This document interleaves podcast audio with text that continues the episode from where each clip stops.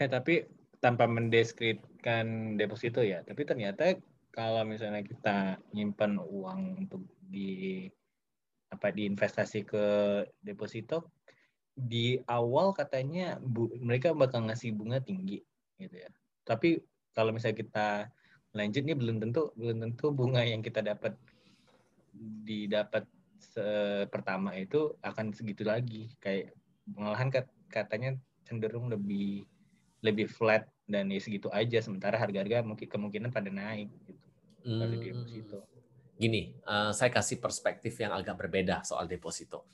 Jadi hmm. deposito ini kan uh, bunga naik turunnya tergantung banyak faktor sebenarnya. Tapi faktor utamanya adalah tingkat suku bunga dari BI ataupun istilah kerennya BI rate. Kan gitu. Kalau BI rate naik, artinya biaya bank minjem duit dari BI juga naik. Kalau BI rate turun, maka biaya bank minjem duit dari BI turun. Dampaknya gimana? Kan gitu.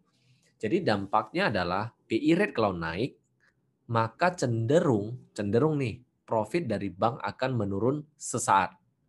Karena semua akan disesuaikan lagi. Yang minjem duit dari bank, yang KPR kah, yang kredit mobil kah, yang uh, kredit rekening koran kah atau kredit modal kerja kah itu semua akan disesuaikan nantinya dinaikkan dalam hal ini.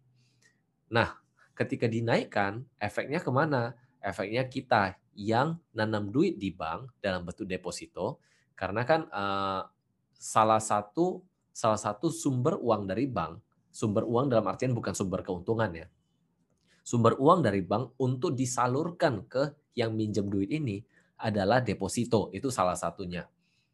Nah, kalau misalnya BI rate naik, maka kan lebih fair atau lebih adil bagi uh, nasabah yang mendepositokan duitnya untuk mendapatkan hasil yang lebih tinggi.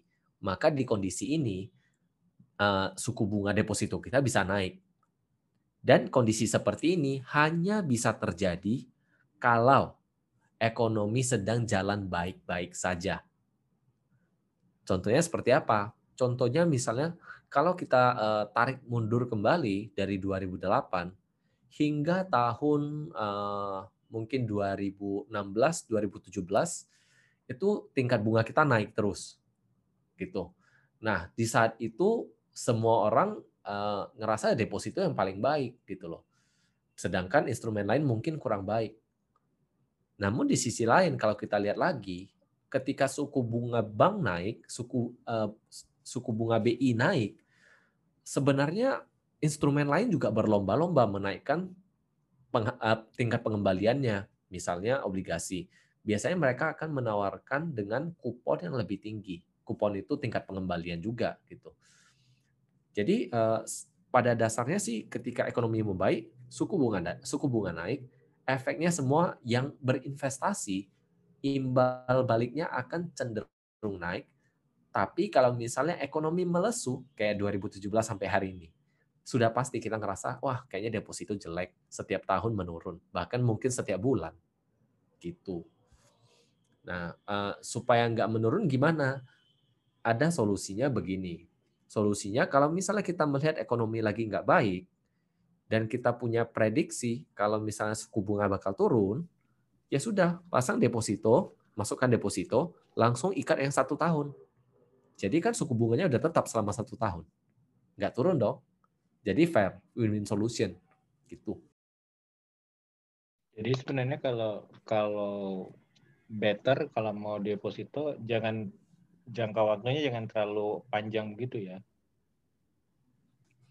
Uh, ya tergantung kalau misalnya jadi kalau misalnya kita ngeliat nih misalnya kayak saat ini, saat ini kan nih lagi ekonomi jelek. Eh, menurut saya sih jangka pendek lebih bagus karena kita punya ekspektasi ekonomi kan akan membaik di satu di satu titik. Ketika ekonomi membaik, tingkat suku bunga kan akan naik juga. Ketika tingkat suku bunga naik, efeknya ke kita juga deposito kita eh, eh, hasilnya akan akan meningkat juga gitu. Jadi kita harus belajar juga plus minus sekarang kondisi ekonomi bakal membaik atau memburuk gitu. Kalau misalnya nggak tahu, tanya teman yang ngerti. Jadi ya perbanyak pergaulan juga. Kalau pergaulan kita makin banyak orang yang ngerti ya otomatis lama-lama kelamaan makin melek terhadap hal-hal seperti ini gitu.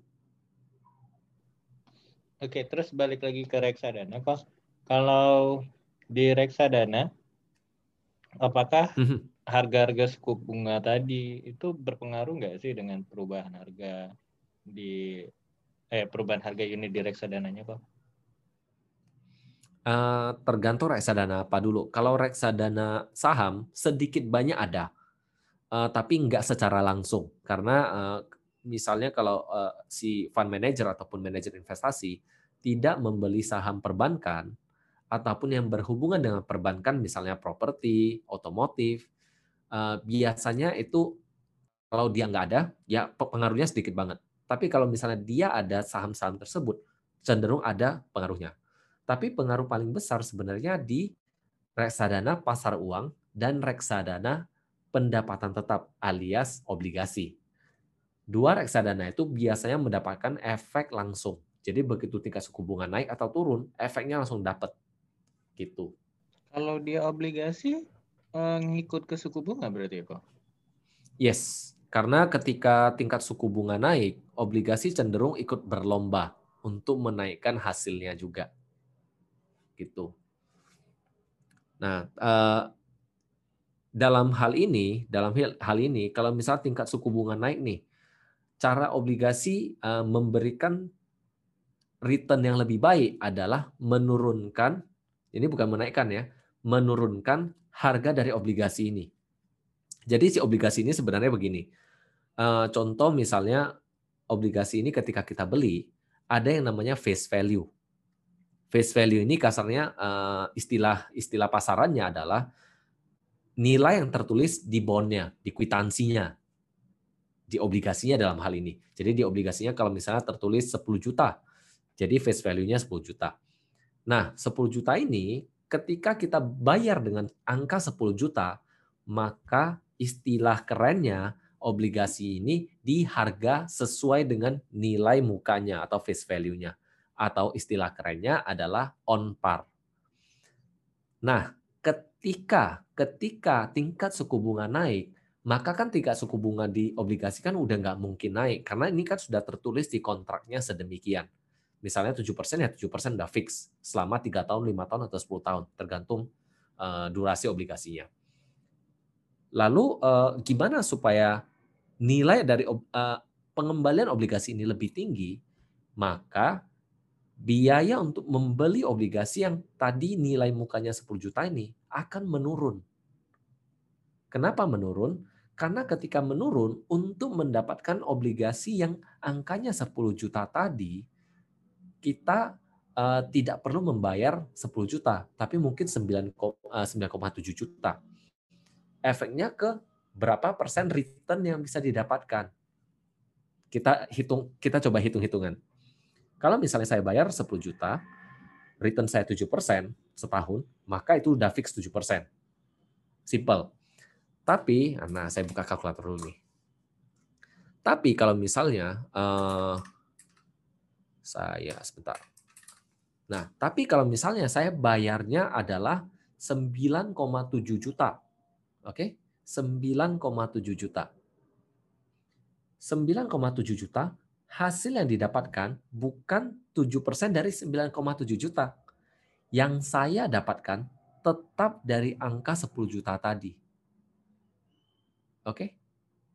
Jadi hasil hasil hasil yang diberikan adalah tetap 700 ribu, tapi 700 ribu ini bukan eh ya 700 ribu 7 persen kan, tapi bukan dari 10 juta karena saya nggak bayarnya 10 juta, tapi angkanya adalah 700 ribu bagi 9 juta 700 ribu maka hasilnya yang, yang kita dapatkan adalah 7,2 persen. Itu adalah hasil yang didapatkan dari investasi 9,7 juta tadi. Sehingga ini adalah cara satu-satunya yang bisa dilakukan oleh pelaku pasar ketika mereka mau beli obligasi dengan harga yang murah, tunggu ketika suku bunga tinggi, maka obligasi akan turun harganya. Dan di saat itu, itu adalah saat membeli obligasi yang mana kita sudah dapat garansi profit lainnya, yaitu profit dari modal gitu. Oke, terus kalau misalnya kita, let's say bagi kita yang usah dia yang agresif ya, yang konservatif, yang yang levelnya paling paling deg-degser mm -hmm. kalau misalnya harga kebanting. Karena kalau bagi kalau bagi kita yang agresif itu kayaknya kalau perspektifnya beda gitu cara pandangnya. Kalau orang yang konservatif betul. itu kan kalau misalnya betul, betul. kejatuhan harga itu kayak wah apa uang gue hilang terus gue harus gimana aku harus gimana ya, ya. gitu kan tapi kalau misalnya kalau kalau orang yang agresif gitu harga kebanting gitu ya kan aduh kok kita nggak ada duit ya lagi lagi murah-murahnya nih lagi murah-murahnya kenapa nggak bisa beli? Itu yang terkadang yang aku stresnya sih gara-gara itu kalau misalnya harga kebanting tiba-tiba gitu kan. Pas lagi nggak ada duit untuk untuk untuk beli lagi gitu. Yang stresnya gitu. Nah kalau misalnya untuk yang moderat dan konservatif hmm. sebenarnya selain milih manajer uh, investasi, terus milih produk, ngelihat fun fact sheet, sebenarnya kita harus tahu apa lagi kok uh, untuk supaya ya minimal minimal nggak nggak nggak jantungan deh kalau misalnya ya kayak begini kalau tiba-tiba ada covid no harga-harga pada merah-merah berdarah gitu kan mhm. nah yang supaya betul, kita nggak deg-deg karena aku punya rekan kerja di di pabrik yang ngikut mulai ngikut mulai ngikut uh, ibaratnya nabung reksadana gitu kan.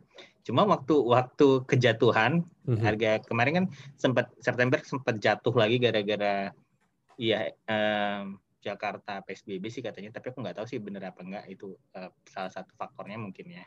Terus tiba-tiba harga jatuh, terus uh, harga unitnya turun.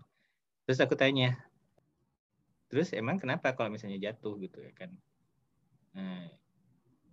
Emang sampai merah? Enggak sih, cuma berkurang dikit aja. Lah terus kenapa? Ya aku jual aja semua. Takut kejatuhannya lebih dalam. Jadi sebenarnya untuk untuk mengurangi jantungan okay. deg-degan itu kira-kira ada tips?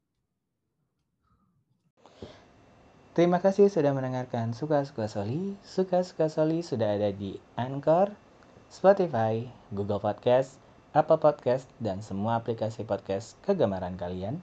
Jangan lupa untuk subscribe di Karya Karsa dan Patreon Suka Suka Soli di karyakarsa.com slash soli 1313 atau di patreon.com slash soli 1313. Terima kasih.